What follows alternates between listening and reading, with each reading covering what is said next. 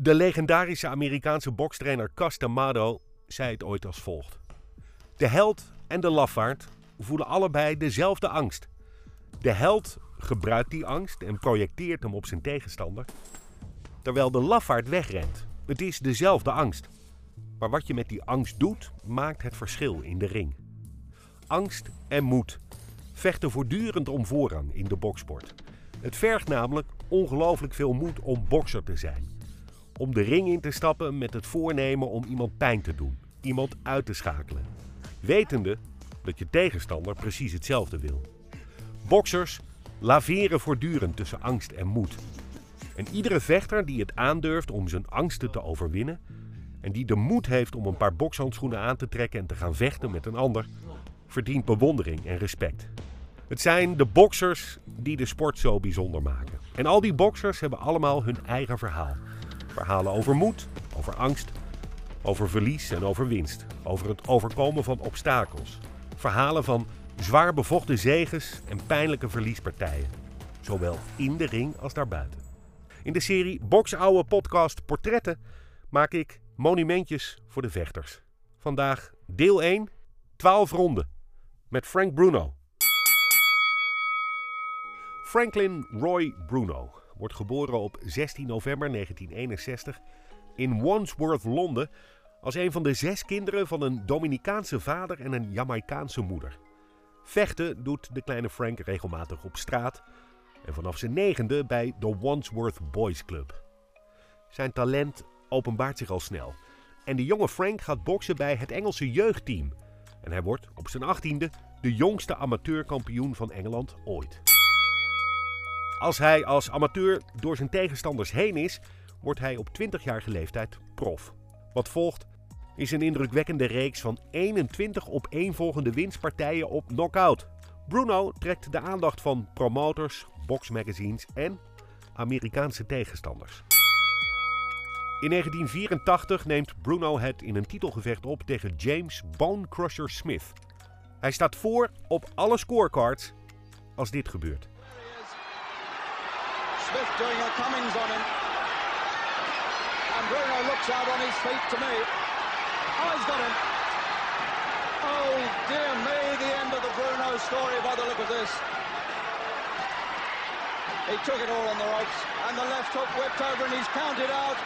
Bruno is knocked out in the 10th round. Bone Crusher Smith has crushed his man. And the Bruno story is virtually over. Geklopt, maar niet verslagen gaat Bruno terug de gym in en verder met wat hij daarvoor deed. Partijen winnen, overtuigend, gebruikmakend van zijn punching power en zijn vechtersmentaliteit. Hij behaalt de Europese titel in het zwaargewicht. Hij verslaat de Zuid-Afrikaanse oudkampioen Gerry Coetzee door een knockout in de eerste ronde en daagt dan regerend wereldkampioen Tim Witherspoon uit. Opnieuw staat Frank Bruno bij alle scheidsrechters voor tegen de Amerikaan en lijkt een overwinning op handen. Maar dan is de tank bij Frank leeg. Oh, both landed their best shots together there, and it's Bruno who was hurt.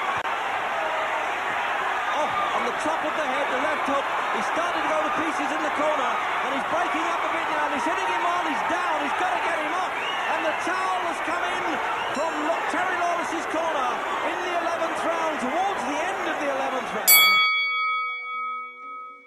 Opnieuw moet Frank Bruno zich zien te herpakken. Dat doet hij. Door oud-kampioenen, gelouterde veteranen en aanstormende talenten te verslaan.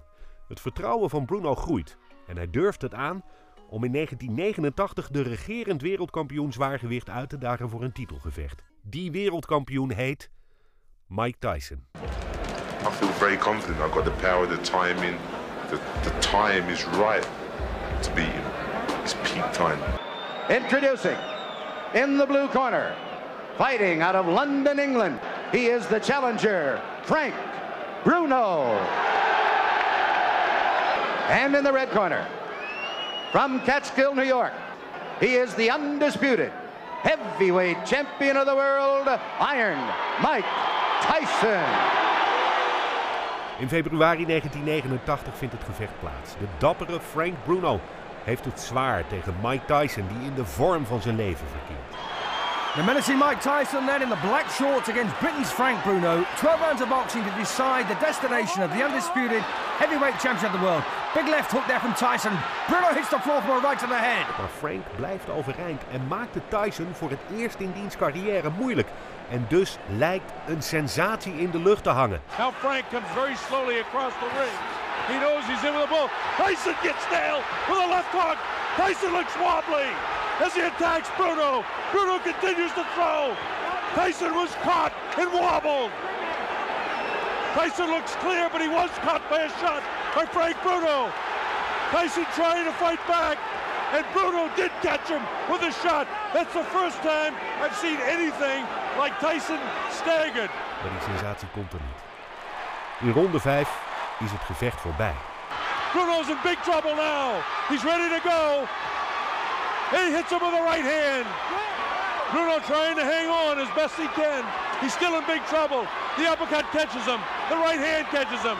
He's really being hit now. Blood coming from the nose. His eyes are puffy. A fighter cannot be saved by the bell as the big right hand lands.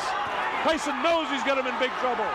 If he doesn't answer it, Richard Steele has moved in and has stopped the fight. It's over. Michael Tyson wins on a fifth round TKO. Frank Bruno is de morele winnaar van het gevecht. Hij heeft de harten van alle Britten veroverd.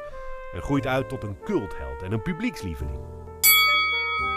Bruno heeft die populariteit niet alleen te danken aan zijn prestaties in de ring.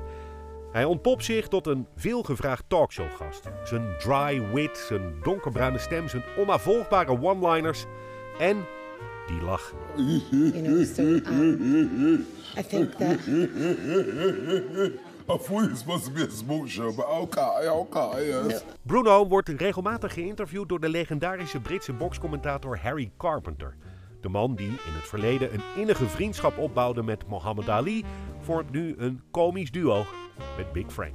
Let us get the record straight. Have you retired, Frank? No, I don't think so. I'm not too sure what I'm going to do. I hope if I come back, Harry will be there, you know. Beautiful Harry. He's your mascot, really, isn't he? Yeah, you can say that. I don't think I can do without him. Pass the sauce, Harry.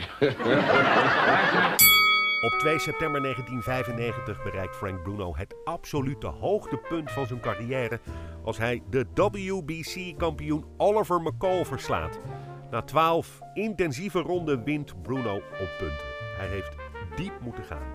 Maar hij wordt eindelijk beloond voor al die uren in de gym. Al die keren dat hij zichzelf na een verliespartij weer bij elkaar heeft moeten rapen. Het kwartje valt eindelijk eens goed voor Frank Bruno.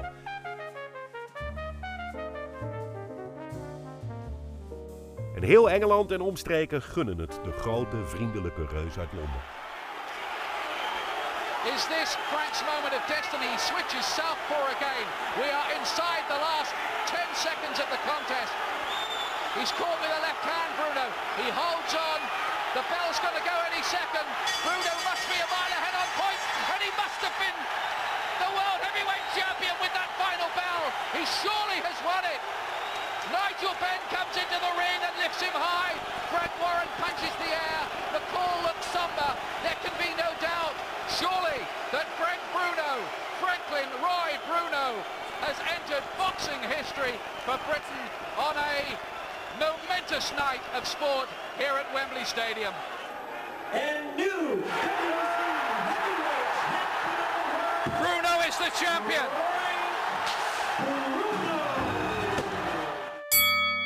Lang kan Bruno niet genieten van zijn wereldtitel. Contractueel is hij verplicht deze heel snel alweer te verdedigen. En zo gebeurt het dat Bruno opnieuw de ring in moet tegen Mike Tyson. There's a combination uppercut by Tyson. Tyson laying it on, pouring it on. Down goes Bruno into the ropes. And it is all over. It is all over here in round three. Mike Tyson is champion again. And that is it. Mike Tyson is back. The Tyson era has begun.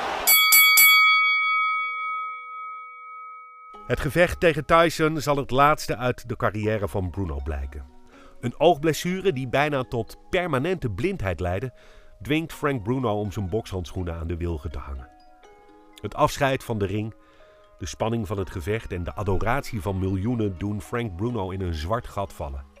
De leegte in zijn leven probeert hij te vullen met cocaïne. Die versterken een al langer in Bruno woekerende bipolaire stoornis. Frank Bruno raakt de weg kwijt en wordt een aantal keren opgenomen in een psychiatrische kliniek. Hij wordt een prooi voor de meedogenloze en harteloze Britse roddelpers. He was driven by ambulance for treatment at a London psychiatric hospital after police were called to help paramedics remove the ex-boxer from his luxury Essex home. I uh, remember it like it was yesterday. You know, it was a long drive. You know, what I mean, there's press outside. There was press when you got to the hospital, and it was very, very s- not scary, but you know, I mean, a depression. Not not a nice time to be taken away in the ambulance. Frank Bruno is inmiddels 59. De storm die in zijn hoofd woedde lijkt te zijn gaan liggen. Hij is ouder, sadder, wiser. Sometimes it's all cloudy and heavy and sluggish and can't motivate yourself. But sometimes in the winter, people are more unhappy than they are in the summer. The sun is a tonic and it gives you a boost and whatever. But we all go through it. Do you, know, not. do you know how much you're loved by the British public? Um, you're making me blush, Piers. Um, you said that on the Piers Morgan show, but I'm just a level-headed, normal human being, just trying to do well for himself. I don't look at myself like that. I, I, I respect what you're saying, but just keep it on a level. En zo heel af en toe verschijnt hij nog wel eens in een talkshow en horen we, goddank af en toe, die lach weer eens. You know, so um, I think that